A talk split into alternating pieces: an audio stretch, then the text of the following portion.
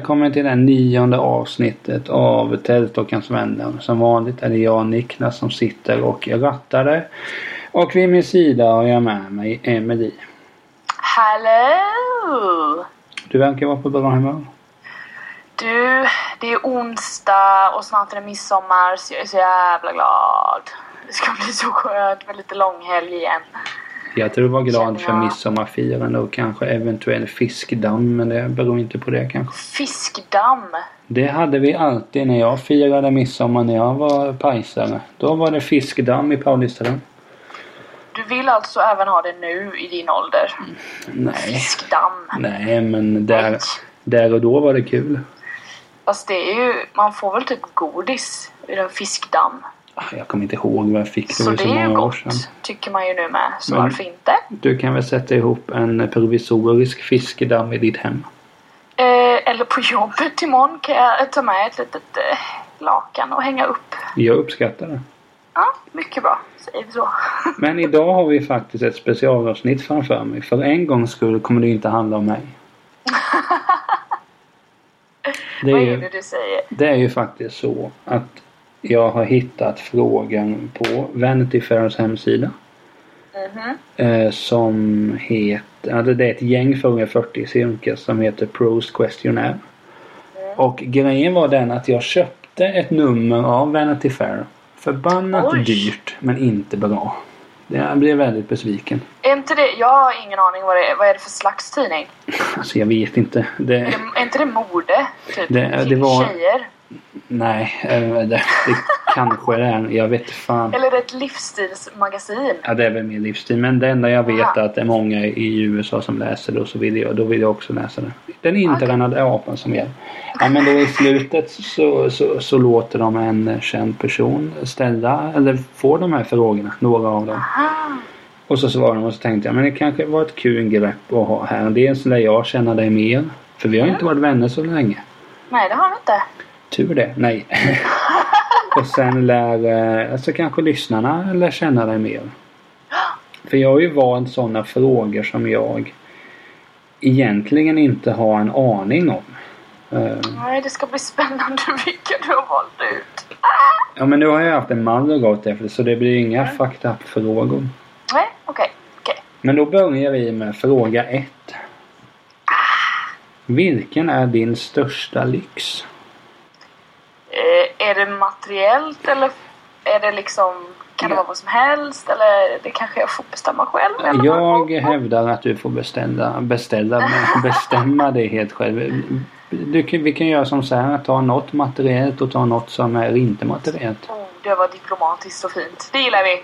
Ja, men Alltså lyx rent materiellt, det är väl typ... Jag vet inte, jag gillar ju att typ varva ner och sådär.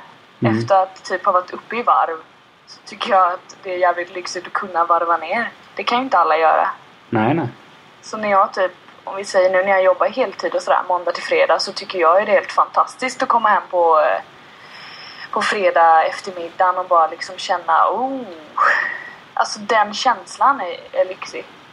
Så det är Mm. inte så materiellt kanske men det var en känsla i alla fall. Jo, men du kanske har någon materiell lyx också. Ja, materiell lyx blir väl det jag tillsätter när jag sitter där och varvar ner. Kanske lite godis. Lite sånt. Lite Kanske vin. ett glas vin. Ett glas vin. Mhm. Vitt vin, inte rött. Rött vin är äckligt. Ehm, ja, sen är det väl alltid lyxigt att typ kunna umgås med dem man älskar och sånt där också kanske. Mm. Det är ju rätt... Det kan ju inte kanske alla göra heller. Och det är ju jäkligt... Man mår bra av det. Eller jag mår bra av det och så. Så tillsätter man det när jag sitter här och varvar ner så är det ju fantastiskt lyxigt kan jag tycka. Men om vi säger det, alltså nu blir det en underfråga på denna fråga. Mm. Men vad är det du tycker är lyxigt med att komma hem på fredagen och sen då känna att oh, ikväll kanske jag och min sambo ska grilla lite eller eh, kolla på eh, Elisabeth Town eller någonting. Åh, åh. Jag vet inte. Alltså jag har så svårt att... Just ordet lyx liksom. Det är så brett i mitt huvud. Det, en del hade säkert bara Åh men gud, lyx för mig det är min nya PS4 som står ute i vardagsrummet. Shit, nu vart jag sugen på en. alltså sådana grejer, men det är inte lyx för mig. Utan lyx är, det är fan den känslan alltså. För man, eller man, jag. Jag blir liksom, jag blir lite mig själv. När man liksom, när jag, när jag varvar ner sådär. Ja, Så ja. jag tycker det är lyxigt. För annars så är jag uppe i varv och jag har jobb att göra, projekt att hålla igång och så när jag varvar ner så liksom går jag tillbaka i, i det läget som jag liksom är i nu till exempel. När jag kommit hem från jobbet och så. Och då är det lyxigt för mig att kunna göra det. Typ när jag ska gå på semester i sommar. kommer ju vara lyx i tre veckor liksom. Så tänker jag. Intressant. Ja, typ. Och visst, det hade väl varit trevligt att ha ett privatjet. Men jag tycker inte det är lyxigt. Jag tycker bara det är onödigt. Kanske. ja, nej, jag, jag vet inte. Det hade säkert varit skitbra. Men jag, jag tänker inte på såna grejer, typ. Saker när jag snackar typ lyx, vad fan. Så för att sammanfatta den här frågan. Den största lyxen enligt dig är kanske inte att ha eh, ja, alltså ett, ett PS4 väntandes utan det är mer att känslan att du kan komma hem och koppla om. Ja, jag älskar den känslan. Den är fan lyxig. För mig. Bra. Ja. Vilken är din största bedrift? Åh, gud. Nu blir vi komplexa igen. Gör ingenting. Alltså bedrifter. För mig har det ju varit liksom det som har hänt bakom pannbenet ungefär. Mm. Och det har vi snackat massa om innan. Att man har liksom vuxit upp och sådär och lärt, lärt känna sig själv och lärt, jag har liksom lärt, lärt mig att jag ska älska mig själv. Jag ska liksom inte be om ursäkt för min eh, existens. Vilket jag gjorde typ hela tiden förut bara för att vara andra till lags ungefär. Så själva den vändningen från att absolut inte vara andra till lags längre till att liksom gå från att vara bara åh, åh, en sån person till att bara nej, du kan inte sätta dig på mig. Jag tycker det är min största bedrift faktiskt. Den är, den är också väldigt så här, djupgående och ja, jag tror inte det är så många som applåderar när jag säger att det är min största bedrift kanske. Men för mig så känns det som det eftersom det har hänt så mycket alltså, på bara typ fem år. Helt sjukt. Det känns typ som att jag... Jag vet inte, typ bytt skinn eller någonting. Något sånt sjukt. Bytt skinn och bara blivit, blivit en helt annan person. Typ den personen som jag faktiskt borde ha varit. Alltså, ja, sen jag typ började tänka själv ungefär. Så det är jävligt skönt. Och det, det är min största bedrift. Mm, glädjande, glädjande. Mm. Men jag menar det är ju samma sak när du sa att det var komplext i början och många kommer inte applådera. Alltså grejen är att nu är det ju du som blir intervjuad. Jo, Så jag menar alltså... Ja, du är ju mer rimlig än vad jag är men om jag skulle säga något rimligt någon gång så är det alltså... Det är ju din intervju, dina svar och alla andra bör ju hålla käften. Eh, så är det. korrekt. Eh, hur som helst, nu, jag ska, även jag ska vara tyst. Mm. Bra. Då går vi på nästa fråga. Eh, och denna är också en komplex fråga, men jag tar den. Vi kör bort. Vad karaktäriserar dig som person? Det här är ju från, eh, från mitt synsätt då, eller hur? Vad jag tycker. Jag, kan, jag har Right, en right. idé om detta. När du har pratat om Ah. ditt så kan ju jag nämna vad jag ger dig för karaktärsdrag. Men först börjar vi med dig. Ja, jag ser ju mig som en glad, högljudd och jäkligt klok person. Så tänker jag om mig själv när jag tänker hur jag, hur jag ska beskriva mig själv. Ja. För jag, jag försöker alltid vara glad i alla situationer. Och jag väldigt ofta retsam också. Det tycker jag är roligt. Och sen högljudd. Jag pratar ju konstant. och sen klok. Det är väl det jag går tillbaka i lite när, jag, när det är, allvar. För jag kan också vara allvarlig, absolut. Men jag tycker inte man behöver vara det hela tiden. Så det är väl det. Mina karaktäristiska drag. Glad, högljudd och klok. Mm. Vad tycker du? Det kommer vi till. Men va- varför, alltså, du har ju nästan besvarat det, men va- varför är det just dessa du drar upp ur skjortärmen istället för många andra? Därför jag tycker att det är de som man möts av direkt. Ja, Ungefär. Klok kanske kommer lite efter ett tag eller så. ja det har ju inte Eller när man börjar komma in i en diskussion, då märker man ju liksom, okej. Jag, jag försöker ju vara eftertänksam. Och där kommer klokheten liksom. Jo, jo. Och så. Och glad, alltså.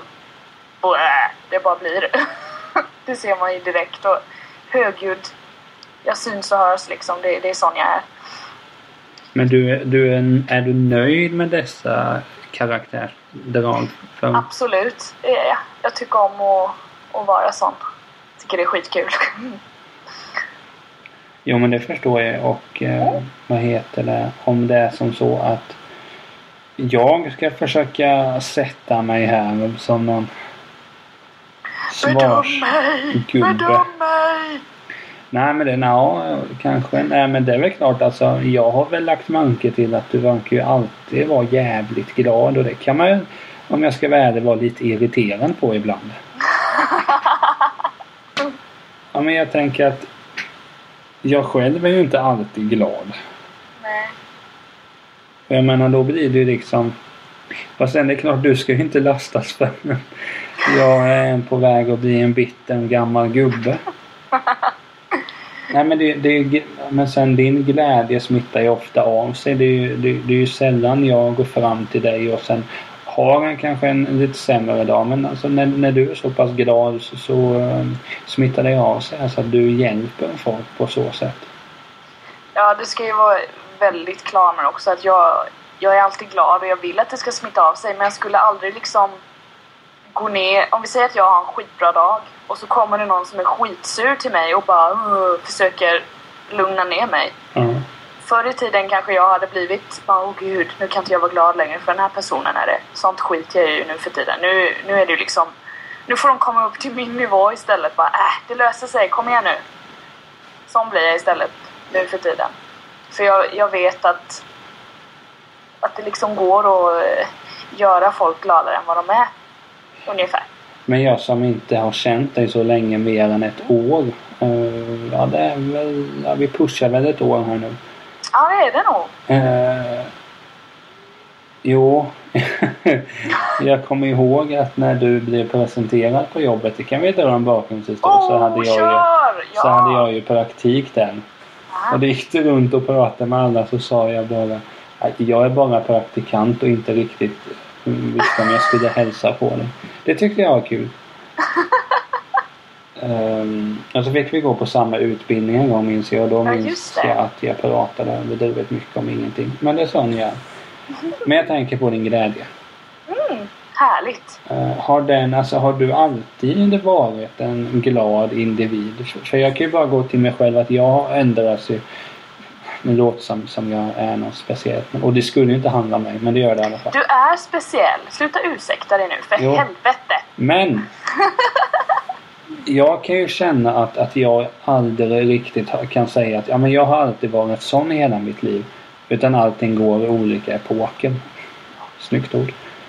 Men har det varit så för dig att man kan säga till exempel ah, nej men det var när jag var i den åldern jag började bli glad. Eller har det varit i hela livet eller har det tagit något break mitt, på mitten? Jag var ju till exempel väldigt eh, eh, högljudd och dampbarn fram tills jag var så här 15-16 eller någonting.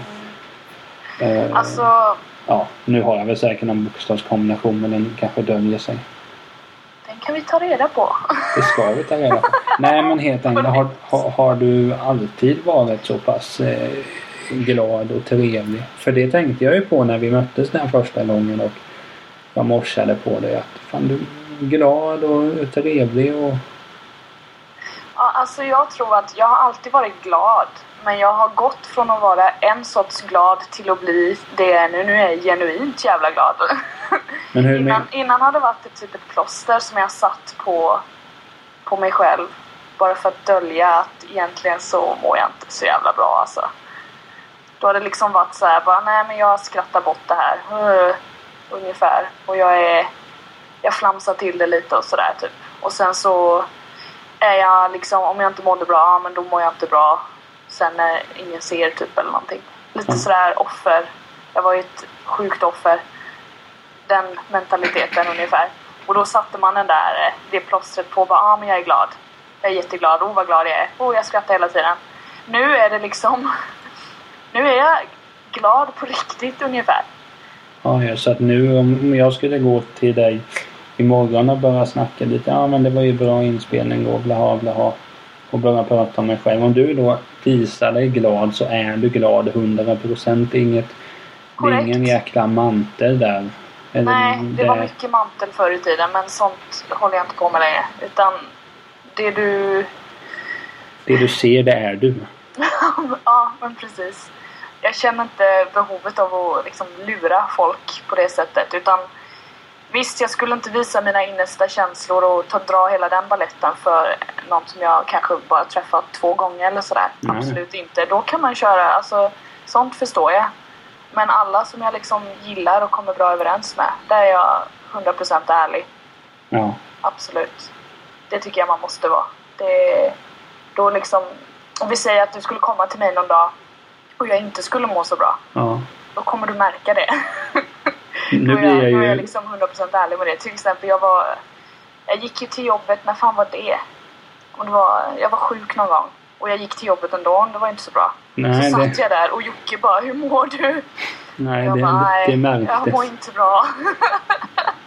och satt och typ bara, åh gud, varför gick jag till jobbet? Jag har feber, jag måste gå hem. Alltså den, då är det liksom energinivån är låg och alla märker det. Då skulle jag aldrig sitta där och bara, nej nej, jag mår inte dåligt, nej gud, nej nej nej, ho ho ho. Aldrig. Då är det liksom, jag mår inte bra. Jag mår inte så bra. Så är det, punkt slut. Men jag tänkte på en annan grej. Du nämnde Mm. också att du anser dig högljudd. Mm. Det har inte riktigt jag ansett dig som. Nej, Fast, fast det är ju min tolkning av högljudd är ju... Ja, alltså det, det, i regel är det inte positivt. jag vet inte varför men det handlar väl om att jag själv kanske är högljudd.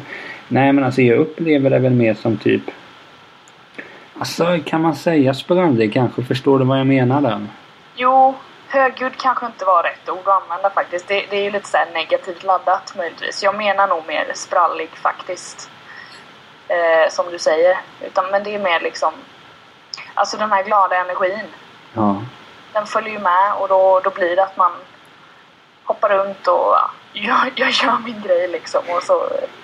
Jag låter liksom. kan man säga så? Ja men... Typ. Jag hörs. Ja men vem gör inte det? Ja det... är från rätt person kanske men...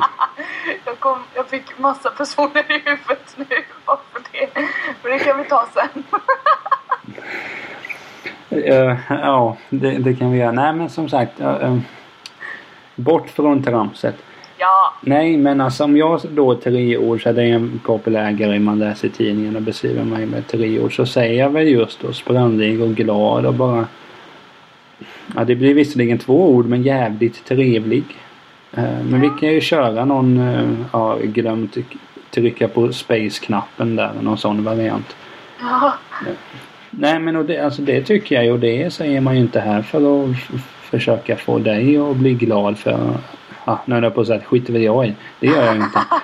Eh, Men det är inget tillgjort, tillgjort smicker utan eh, Nej, det är eh, rakt från mitt hjärta så att säga. ja men tack. Saken är att jag är, jag är uppväxt att liksom vara jävligt eh, alltså ödmjukhet. Jag är uppväxt, i ett sånt hem där det är jävligt viktigt. Alltså respekt och ödmjukhet och förståelse inför andra människor. Men samtidigt också se upp för man kan bli utnyttjad också liksom. Allt sånt där har jag fått med mig liksom under min uppväxt och det är jag väldigt glad för. Jo Att men det liksom verkar ju vara, vara rimliga eh, släktingar du har. För jag menar utan ödmjukhet så blir det jävligt jobbigt. Ja, man, alltså man måste tillsätta det. Ja. Lite. Inte, alltså absolut inte för mycket och bli liksom utnyttjad för att man är för snäll eller för att man liksom bara vill vara andra till lag som jag förklarade kring förut att jag har haft problem med. Utan det är en balans mellan det. Då blir man, tror jag, en jäkligt bra person. Både för sig själv och för andra. Vilket jag tycker är viktigt. Man måste ju fan respektera folk, så är det ju. Ja, kanske inte alla, men de flesta. Vilka man inte ska respektera, det kanske vi får prata om nästa Det veckas avsnitt. finns extremister liksom, det är absolut. Men samtidigt Nej, men jag förstår vad du menar. Ett, eh, någon anledning till varför de är som de är, förhoppningsvis. Jag vet inte, men eh, Alla jag har- försöker alltid tänka så. Krydda det med lite den tanken. Det brukar hjälpa. Alla har ju också ett existensberättigande oavsett vad fan det är för kille eller tjej eller Ja, androgyn eller vad fan det heter. Men heter det androgyn? eh, androgyn, det är väl med, vad fan är det? Är det när man typ har eh, lite manliga och kvinnliga drag? Är det? Ja, det går väl rykten Eller? att skådespelaren Jamie Lee Curtis är androgyn. Alltså, Ja, jag det- tänker bara på så här modeller som har androgynt utseende som ser så här, de kan typ modella som killar och modella som tjejer. Det är jävligt coolt. Jag kan inget om modeller, men du får visa en bild. Mm. Ja, jag kan lite modeller faktiskt. Jag kan visa dig. Jag tror inte jag känner till en enda modell. Jag gjorde när jag var yngre, men det, det är eh, too much information. Det var kanske olika sorters modeller. Oj då. Ja, Skitsamma. det, kan, det kan vi ta. Det kan vi ta någon annan gång. Ja. ja, ja. ja. Så. Eh, kommande fråga här då. Vad är ditt motto? Oh, det är en svår fråga, tycker jag. Bra. Oh, så svår. Ja, det tycker du är roligt och bra. Eh, motto. Alltså jag går ju efter massa olika grejer som känns som smarta och bra. Jag har ju nämnt några. Lite så här sunt förnuft-grejer ungefär. Sen försöker jag väl alltid vara extra noggrann med att eh, aldrig typ ge upp. Mm. För jag tycker förr har jag, usch, jag gett upp alldeles för lätt liksom. Men det har ju med självkänslan att göra som Jo. typ var den sämsta i hela världen. Ungefär. Då ger man upp för man tycker inte om sig själv liksom. Såklart man bara nej. Du klarar inte av det här. Du du är inget bra. Nej, nej, nej, Det det är fattar du väl liksom. Det är såklart Mm. man gör. Så den pushen är jäkligt viktig i mitt liv att ha. Så då försöker jag ha det som lite så här motto.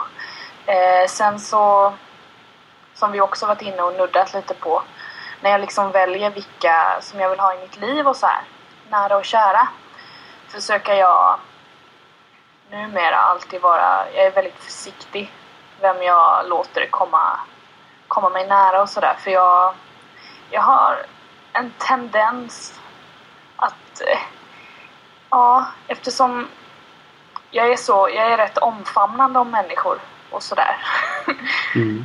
så blir det att när, i den här omfamningen så kommer det med människor som kanske inte vill mig så väl. Ja. Utan ser sina egna möjligheter i mig och sen så vänder de mig ryggen. Ungefär. Jag har varit med om x antal sådana fall när det verkligen bara har gått åt helvete. Och jag har egentligen inte fattat varför och jag har inte fått några svar och ingenting. Hela den balletten och jag är rätt trött på det. att sånt händer. Jo, så sen typ ja, ett år tillbaka eller någonting så har jag liksom valt att bara nej.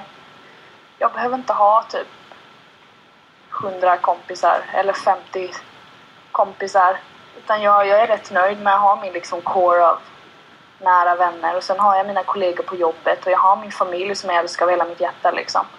Jag behöver inte eh, försöka liksom vad ska man säga, försöka gå ut och fiska vänner och sådär. Det, det passar inte mig. Utan det jag har kommit underfund med att jag mår bäst om jag får vara med de få som faktiskt känner mig och som faktiskt älskar mig för den jag är och som jag vet är ärliga mot mig. För holy shit vad oärliga människor det finns där ute alltså. Det är fruktansvärt. De Ja. säger en sak och så är det inte så. Och så uh, jävla djungel är det. Så jag har kommit un- underfund med att jag ska välja mina nära och kära med omsorg helt enkelt. Det är väl lite mitt livsmotto också faktiskt. men det är väl ett ganska fint motto egentligen. Ja, och det är ett motto som jag liksom har behövt komma fram till också.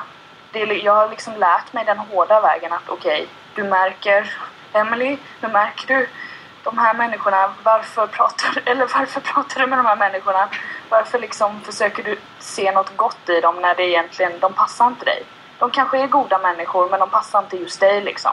Och då Mm. blir det fel och då blir det elakt och då blir det diverse sådana grejer. Det är såklart, jag tror, ja, jag tror att man måste den enda vägen till att hitta rätt personer det är liksom att gå igenom personer som inte är rätt för en. Jo, Så jag tror, jag tror inte jag hade kunnat få till det på något annat sätt om du fattar vad jag menar. Jo, jo men jag Ja. förstår. Men Ja. jag har tänkt på en sak med det här med motto. Att många gånger får jag uppfattningen att om man ställer ett motto att man väljer någonting. Bara, men okej, fred på jorden låter bra. Eller alla lika värda och något sånt. Det är ju för sig en jävligt fin tanke. Jo men det är det, det är en väldigt fin men, tanke. men din förklaring här har ju jag uppfattat det som att detta är ju ingenting som bara har bestämts utan, utan att det mer har blivit olika grejer gör att det har kommit dit. Ja, Och precis. då kan jag ju tycka att då är ju det alltså på så mycket bättre än att du bara skulle sitta och bestämma dig. Hmm, jag skulle vilja ha ett motto. Ja men det kan ju handla om att man ska vara ödmjuk. Ja men det låter bra så går man vidare och, och gör någon Ja, jävla nej. sockerkaka eller någonting. Så funkar det väl inte riktigt i min värld. Men Nej. absolut, om det passar andra så är det bara att köra på det. Jo, jo men jag vet att, att jag, nu handlar det om mig i alla fall. Fan. Kör! Nej men att, att när jag var yngre så var det mer som så att man, för då hade man läst i tidningen och allting att okej men den här personen har motto, då måste jag också ha någonting. Ja men okej det, det kan vara det här kanske, bara att alla är lika värda liksom. Och det är de ju. Men jag menar med tiden har det mer blivit att man har utvecklat som andra motto och sen helt enkelt att olika saker, både hemska händelser och fantastiska händelser har tagit en till en punkt som då formas och blir mottot. Förstår du vad jag menar? Ditt är ju ingenting som så här att eh, tar du ett steg till så kommer du dit utan se det mer som någon jäkla zigzag eh, serpentinväg eller någonting. Jo men så är det. Jag, alltså, man börjar ju naivt med att kanske tro en sak. Sen går det fem år och då förstår man okej, Mm. Så här är det egentligen och jag vet det för jag upplevt det och jag har liksom erfarenhet och hela den grejen. Alltså en del grejer är så, man kan inte bara veta det, man kan inte bara anta utan man måste lära sig och få liksom fram egen fakta på det, så är det. Jo. Absolut. Ja visst är det så. Mm. Men jag tänkte på en sak. Vi har ju tangerat det lite här i podcasten kanske. Kanske inte detta avsnitt men många andra. Men när var du Emelie Rosenqvist som mest lycklig? Och visst, du behöver inte svara när vi börjar spela in podcasten. Det förstår jag. Men frånsett podcasteriet, när var du som mest lycklig? Jag var faktiskt rätt lycklig när vi började spela in podcasten. Tycker det är skitkul. Men eh, alltså sången, vi kommer in på det igen. det är så. Tyvärr, det går genom hela mitt liv. Det är det enda jag pratar om. Men hur som. Eh, jag var som lyckligast när jag fick uppträda inför publik och sjunga första gången. Jag var jättenervös. Vad snackar vi för ålder här nu ungefär? Vad sa du? Vad snackar vi för ålder här ungefär? Jag var väl 2021 tror jag. Alltså innan dess har jag... Uh, jag har ju så dåligt minne. Men jag tror att jag uppträtt någon gång innan där med inför publik. Jag för mig det. Men alltså på riktigt var först då med en rätt stor publik. Och liksom ett band bakom mig. Mina kompisar då som jag lärde känna där som spelade och så sjöng jag där jättenervös. Men jag hade valt vilken låt jag skulle sjunga och jag stod där och hade klätt upp mig och var redo och bara hade texten i huvudet. Hade den lite på papper också för jag är en riktigt dålig på att komma ihåg låttexter. Men alltså just i det ögonblicket, första gången liksom där så kände jag bara okej, jag måste fortsätta göra det här. Det här är det bästa jag vet. Då bestämde jag mig liksom, det här är fantastiskt. Då var jag som lyckligast, definitivt. Hela den känslan, så här, eufori, euforin man får av själva den grejen och adrenalinet som pumpar och allt. Båda de känslorna gör att det blir ett lyckligt tillfälle. Och då... Hela omvärlden försvinner lite också. Det blir liksom som att man, man står där själv på scenen och publiken och jag typ är de enda som kommunicerar med varandra och sen så får jag sjunga och liksom när jag sjunger så kommer det ut liksom alla känslor i hela världen och låten jag sjunger. Eftersom jag hade valt den själv så tycker jag den var skitbra och bandet var jättebra. Det liksom, allting bara klaffade. Och då kände jag bara, nej. Det var väl en känsla av typ, vad ska man säga, bedrift, lycka och eh, trygghet. Eftersom jag kom i det liksom kom in i det tillfället att jag bara kände alltså jag, jag är rätt bra på det här. Vad härligt, jag har hittat någonting jag liksom är bra på som jag känner att här kan jag utvecklas ännu mer och här kan jag ta plats. Utan att någon sätter sig på mig och säger att du ska nog inte hålla på med det här liksom. Eller typ, fan vet jag, typ byt jobb eller vad som helst. Det vet man ju inte. Eh, alltså sådana grejer. det var bara liksom självuppfyllande ungefär. Men jag tänker på två saker. Mm. Dels, vilken låt var det du sjöng? Åh, minns jag det? Det är frågan. Jag minns nog inte det. Tyvärr Niklas. Men det var förmodligen någon Christina Aguilera-låt säkerligen. Eller så var det någon Let it be av Beatles kanske. Men det är ju inte kattpiss. Det är inte kattpiss. Jag älskar den låten. Det är en av mina mm. älsklingslåtar. Men jag har tänkt på en sak. Alltså jag läser ju väldigt mycket rockbiografier och sånt. Uh, ja, mm. Det är intressant. Men då, då, har man ju alltid läst att många av de här som man har läst mer har, har tyckt att att de mer varit som så här, att allt runt omkring kan vara ganska jobbigt men där och då de kommer upp på scenen och kanske plockar upp gitarren eller greppar mikrofonen. Alltså då är det som då är det nästan som de beskriver här som du har sagt. Att då är det de och publiken. Att det är just scenen som blir Alltså det blir platsen där allt händer och man, man får vara sig själv. Och det, det är mm. lite så du menade där då kanske? Ja, och sen är det en väldigt en skön känsla att när folk vänder huvudet. Alltså, ja, jag hade ju en spelning uppe i Åre också. På, det var ju efter jag hade pluggat, många år efter. Jag hade pluggat i på folkhögskolan. Eh, och då var det liksom att vi hade en spelning medan de satt och åt middag. Mm. Och då blev det väldigt uppfyllande att folk vände ansiktet åt mig. Om du fattar vad jag menar. De lyssnade. Och liksom tittade på mig och alltså kände med mig när jag sjöng. Mm. Där var det också liksom en, en väldigt lycklig känsla.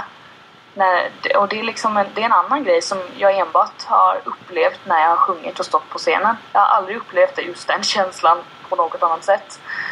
Just det att man, man får liksom en, en koppling till personen i publiken. Mm. Och så får, så visst jag, alltså jag vill ju få ut ett budskap när jag sjunger. Mm. Det är ju känslor, alltså rösten när du sjunger, det är, det är ju enbart känslor du förmedlar. Du måste ha en känslosam röst för att liksom komma fram och för att någon ska vända huvudet åt ditt håll och faktiskt lyssna och sen applådera och bara shit vad bra, nice.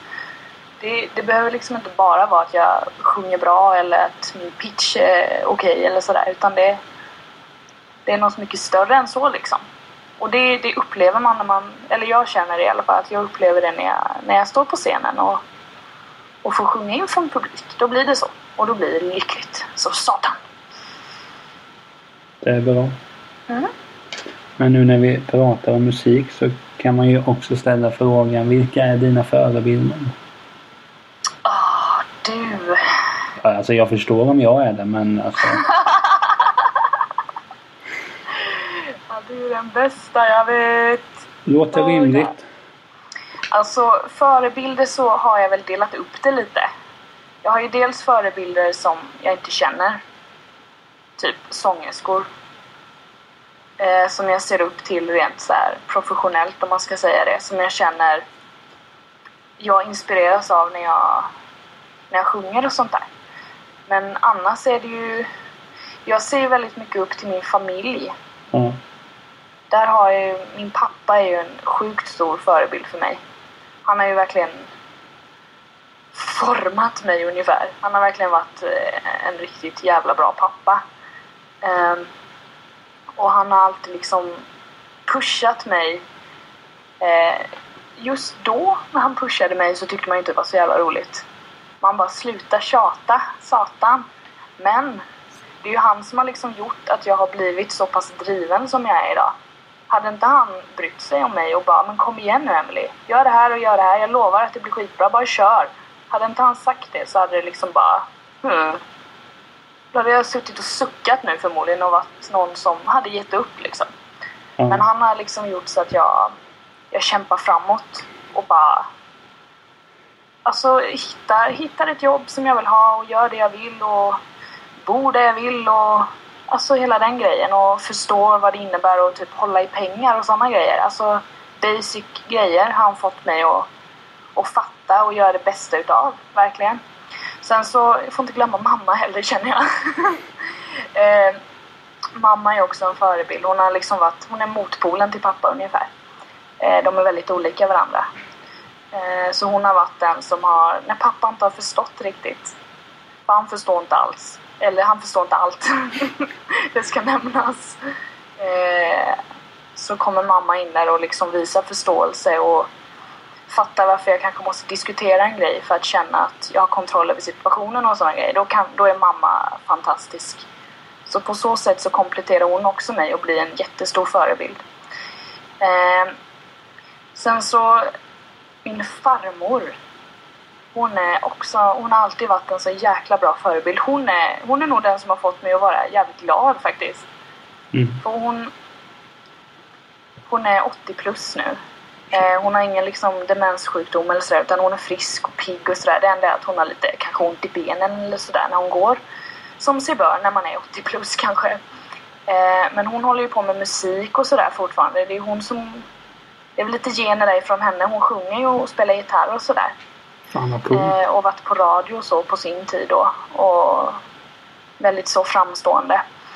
Eh, men det som jag inspireras av henne och som ger mig en stor förebild i henne det är att hon, hon, klarar, hon har klarat av en väldigt stor ensamhet som hon har haft väldigt länge.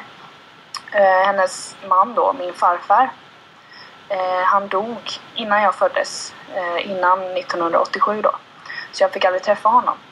Men sen dess så har farmor faktiskt, hon har varit ensam. Hon har inte träffat någon annan utan hon har levt sitt liv alldeles, alldeles ensam. Och hon är ändå en, alltså om man ska se det så, visst man behöver inte vara med någon. Absolut inte. Men hon, går, hon har gått igenom det så jävla starkt. Hon har liksom, sen 87 så har hon liksom bara, nej, jag bara kör på. Det, jag har liksom min familj, jag har mina barnbarn och allting och jag, hon vill inte träffa någon annan. Hon älskade farfar liksom och punkt slut. Och det tycker jag är så jävla häftigt. Att hon liksom bara, hon bestämmer sig. Han var liksom hennes stö- största kärlek förmodligen. Och det är jävligt fint i sig. Eh, och så utifrån det så har hon byggt någon optimism som är väldigt inspirerande. Eh, och massor av glädje hela tiden. Hon lagar mat som smakar helt underbart. hon är så duktig i köket också, det är fantastiskt. Så hon är också en förebild som jag känner då. Eh, men förebild som jag inte känner, då har jag alldeles för många så jag kan inte rada upp dem. För de, de står ungefär för samma sak.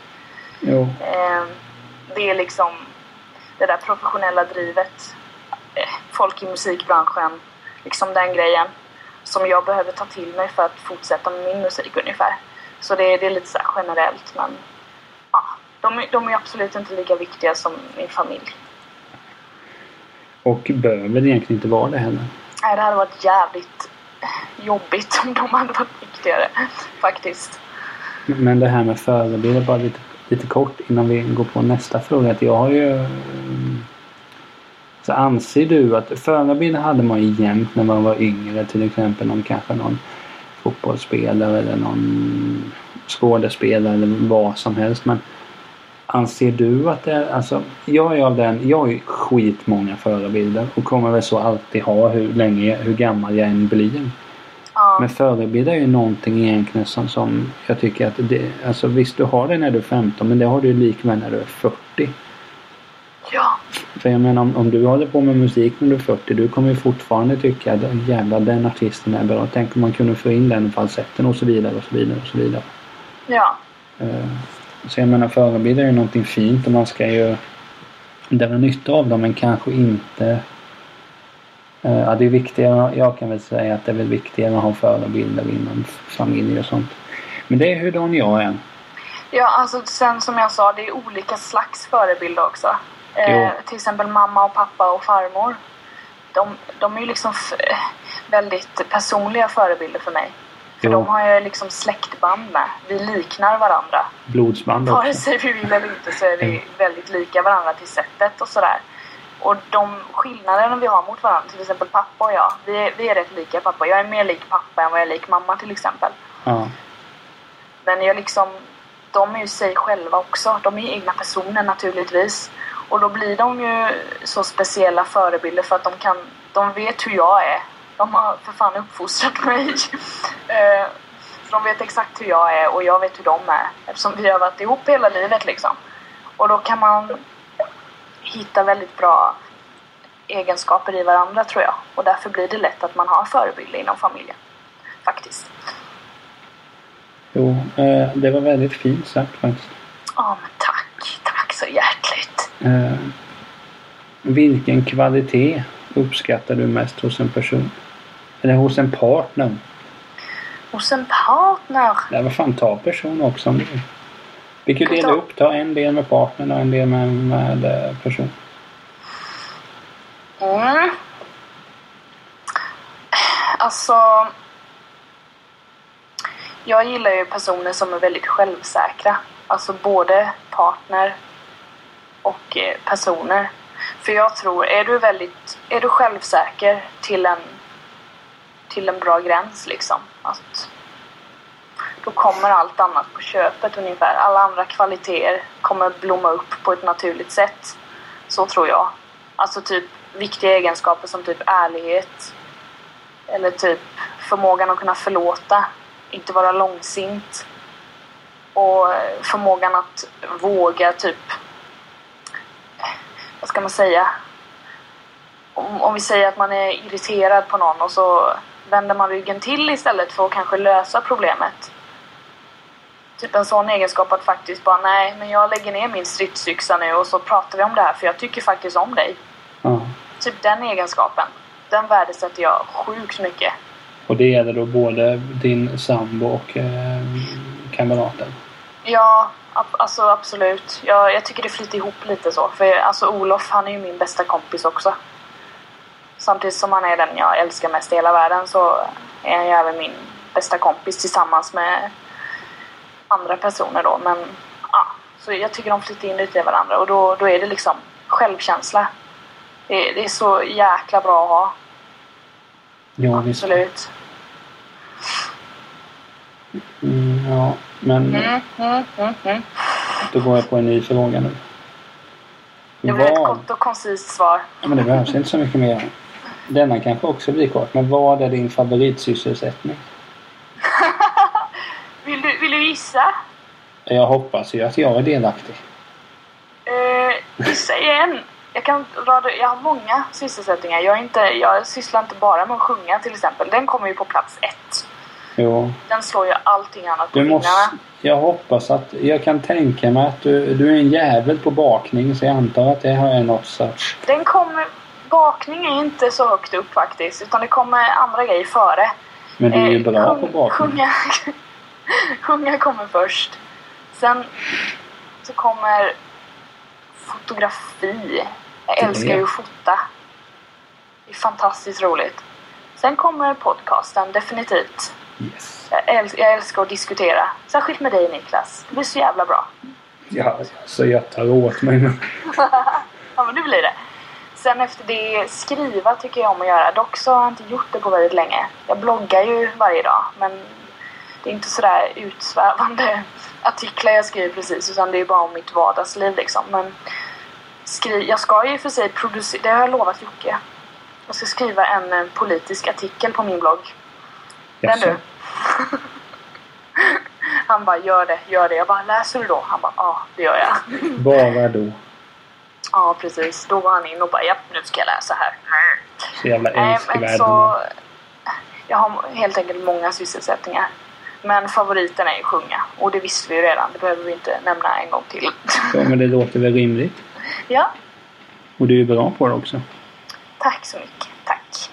Eh, ja, såklart. Men eh, då blir faktiskt detta den sista frågan jag har. Ja, Så därför får, shoot du man, prata, shoot! därför får du prata mycket om det. Ja, vad är det för fråga då? Eh, vilken levande person ser du upp till? Vi var ju lite inne på den förut visserligen. Men ja, i alla fall. Vilken levande person ser du upp till? Den går ju in lite i förra frågan. Jo, i och för sig det skulle jag väl kanske tänkt på men inte fan gjorde jag det. Men då kanske man kan ta någon sån... Eh, alltså någon typ kändis eller någonting om vi ska dra det så. Ja, det kan du få göra. Eftersom jag varit väldigt personlig på den andra frågan så kan vi ta någon kändis i sådana fall. Ja, ja. Ah, och då måste jag ju tänka och det är ju jobbigt att ta typ en kvart. Det är Eh, inga problem. Det är inte du som klipper det. Nej, det är inte det va? Åh gud, levande person, se upp till, kändis, du du du du du du. Oh my god. Det är inte Paris Hilton. Jag har dock ändrat mig lite med henne men det kan vi komma till i något annat avsnitt. Ja, alltså... Och nu bara snurrar det runt i hela mitt huvud ungefär. Helvete. Jag har någon klockren. Men det är bara att den inte kom fram i huvudet. Och Kan det kanske jättejobbigt. vara Lana Del Rey? Nej, henne har jag inte sån kontakt... Nu låter det jättekonstigt men jag har ingen sån kontakt med henne. Du lyssnar på hennes platta och sen ingenting mer. Precis så är det faktiskt. Jag tycker hon gör coola låtar. Sen läser jag inte om henne. Jag kollar inte på intervjuer med henne. Ingenting sånt. Så jag har inte bildat någon uppfattning om hur hon är faktiskt. Mm. Men att hon har varit nervös när hon har uppträtt på scenen live. Det är det enda jag har sett. Men jag tänker som det när, när du... Alltså du har ingen... eh, Ja, nu utgår jag ju från mig själv naturligtvis som man alltid gör. Det ska man göra. Men, men du har ingen, vi säger, alltså, politisk förebild på så sätt? Alltså det behöver inte vara politiskt utan det kan vara bara någon, någon person som har gjort någonting. Det behöver ju inte menas att man har stått upp mot nazism eller någonting utan... Jag älskar ju Kodjo. Ja, Ja, han älskar jag. Där snackar vi en rolig jävel alltså. Han är ju fantastisk. Han kan vi ta upp. ja. Han, han personifierar typ sån, alltså hans sätt. Jag lyssnar ju, eller ja, nu har de paus över sommaren väl, morgonpasset. Jag vet P3. inte. Men Kodjo han, han, han är bara helt, han är jätteglad. Men samtidigt har han en allvarlig sida också. Och så bara skrattar han helt underbart och han liksom ser på allt genom optimistiska glasögon och Nej, jag, jag ser mycket av mig själv i honom typ. Typ det sättet. Han är... Nej, han gillar jag. Gillar inte du honom Tält? Nej. Okej, då vill jag veta varför. Nu. Jo, det gör jag. Men alltså det... Nej men alltså, om vi tänker som komiker gör jag väl inte riktigt det. Nej. Men som jag såg när han var med i Musikhjälpen, han är ju jävligt skarp. Ja, gud ja. Eh, Ja, visst, alltså han kan ju vara rolig ibland men jag är svårt för humor ibland. Ja, Jag tycker han var jätte... Jag minns massa grejer från Musikhjälpen när jag bara satt och typ garvade med honom när han var så jävla rolig. Men kan vi lova varandra att vi, vi nu... Nu har vi detta inspelat apropå Musikhjälpen, vi är båda stora fans. Ja, När det eh, sänds i år, att vi... Att jag kommer bort till din bänk, tar med mig min lunch. ja. Och så och så tittar vi. tittar vi. Jag kanske önskar en och annan låt. Jag får försöka Ja. spara lite stålar. Det blir Men skitbra. Mys. Absolut. Eh, men ja... Mm. Men vad, vad heter det? Jag kan ha... Har du någon- en till fråga så kör den. För jag, har, jag kommer inte på någon annan person jag ser upp till. Nej men det, Så alltså det, det, det är också så här, jag blir så komplex av sådana frågor. Jag bara oh, nu ska vi se. Men vi kan ta en fråga här som jag verkligen hoppas att jag kommer få stä- frågan ställd. Mm. Då ställer jag alltså frågan Vem eller vilka är dina fa- din favoritskribent eller favoritskribenten? Och då kan vi tänka här, då gör vi apropå att du inte gillar, att, att du inte gillar musik, eller på att säga att du gillar musik. Så kan vi faktiskt ta det så att eh, skribenter inte enbart är de alltså, som skriver texten till magasinböcker utan eh, kompositörer också. Oh, kompositörer med! Låtskrivare alltså, får jag ta med det? Ja, för fan. Frågan är bred. gött. Hittar hittar hans vänner gör vi vad vi vill. Vi dricker vin då, då ibland. har jag två personer att nämna då. En, en låtskrivare och det är Sia Furler hette hon va? Och nu måste jag googla så jag inte säger fel. Det här är väldigt viktigt. Hon? Väldigt viktigt att hon heter det. Två sekunder, två sekunder. Men Ja, visst, Sia Furler. Men vem är det? Hon är från Australien. Hon är en artist och låtskrivare. Fantastisk sångröst har hon också. Hon är inte så... Eh, vad ska man säga? Hon är inte Lady Gaga-känd kanske. Det är väl tur det kanske. Nej, men hon är, jag tycker hon är väldigt underskattad. Men jag tror att hon trivs lite med att vara alltså, låtskrivare och sen är hon lite artist. Hon uppträdde nyligen på eh, Ellen, den talkshowen. i USA. Eh, med en av hennes låtar då som hon släpper snart nytt album med, by the way. Ska Eh, du så det var en låt henne? från, det, från den nya skivan då, då uppträdde hon med den. Eh, väldigt bra. Men hon har ju skrivit låtar till Många låtar hon skrivit till Christina Aguilera bland annat. Det var så jag upptäckte hennes låtskrivande. Jaha. För Christina Aguilera släppte ett album som hette... Vad fan hette det nu då? My Hips Don't Lie kanske? Nej. Eh, Nej, det är ju Shakira väl? Bionic hette skivan. Jag var tvungen att slå upp det. Gud vad jag skäms. Ah, ja. Hon eh, skrev några låtar till Aguilera på den skivan. Den skivan är inte så bra. Men de låtar som var bra, det var de låtarna som Sia hade skrivit Jaha. till, eller tillsammans vad det nu var, med Christina Aguilera. Och då tänkte jag bara, vem är hon? Satan vad grym hon är. Och hennes sätt att skriva, man hör när det är hon liksom. Hon kör på väldigt känslosamt och mycket... Hon, Sia själv, hon har en väldigt, när hon går upp högt i tonarterna så har hon väldigt sprucken röst så här, lite Janis Joplin-aktigt ungefär. Eh, och hennes låtar känns som att de, de baseras på att det ska bli så här lite sprucket och lite intimt och sådär. Så hon, hon är jävligt duktig på att få fram just den känslan. Även om det är en ballad eller om det är liksom en snabbare låt. Så hon är ju en stor favorit när det gäller låtskrivare. Mm. Hon har ju... Jag ser att hon har, hon har skrivit låtar till typ... Hon har skrivit låtar till Shakira. Rihanna, Beyoncé, ja, Christina och Britney Spears och... Ja, Hela hon, har, packet. hon har liksom varit och samarbetat med de flesta. Och det är ju, hon är överjävlig så jag förstår det. Hon är, det ska bli jättekul att hon släpper ett, liksom, ett nytt album som, som egen artist nu också då Mhm. tycker jag. Det ska jag lyssna ihjäl mig på, absolut. Eh, sen hade jag ju någon annan. För att gå in på, det här vet nog inte du vem det är. Om du inte tittar på typ Youtube och eh, läser om eh, spel. Det gör jag inte. Nej.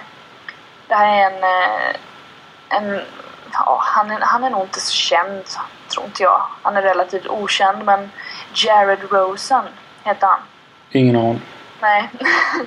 Han skriver för Indie Static tror jag det heter. Ja. För mig att han är skribent där. De skriver om eh, spel, indiespel. Så där har jag varit inne och kikat ibland. Eh, och hans sätt att skriva på tycker jag är väldigt eh, målande och väldigt ambitiöst eller så. Mm. Eh, han har han är med i ett nätverk som heter Polaris Network på Youtube.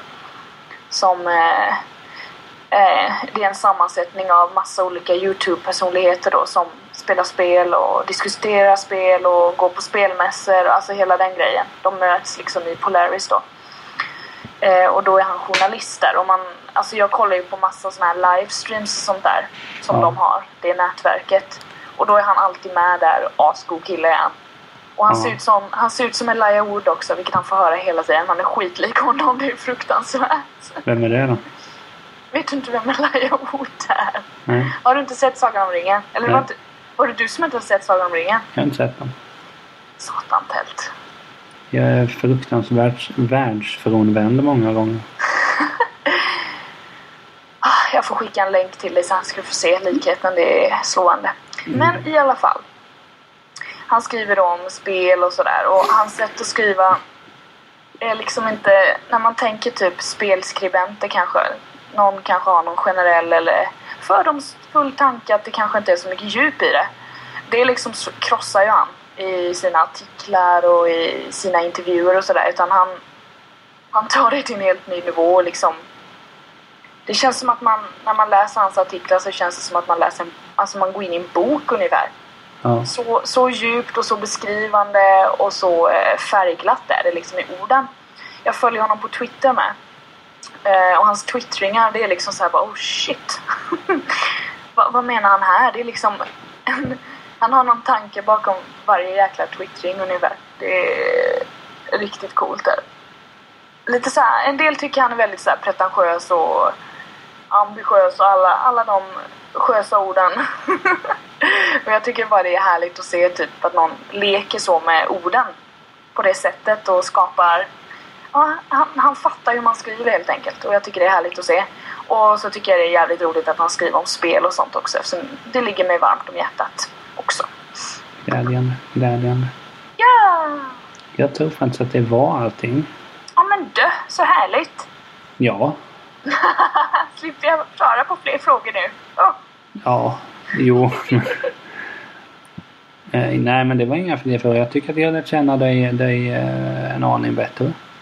Ja, jag får hoppas det. Ja men sen kommer jag väl uppskatta dig som individ oavsett. Ja, du känner inte något hat som har växt nu från någon fråga eller något? Nej? Nej, det gör jag nog inte. Nej, nej det gör jag inte. Det var...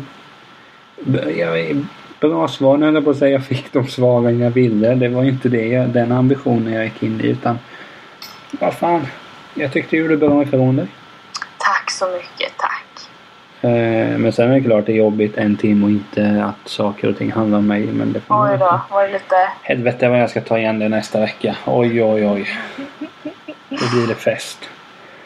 Då är det party! Ja. Nej, men den, vi kör den vanliga frågan. Vad har du för planer här till nästa gång vi hörs och syns? Ja, vi syns imorgon, men alltså vad har du för planer till nästa gång podcastlyssnarna hör dig?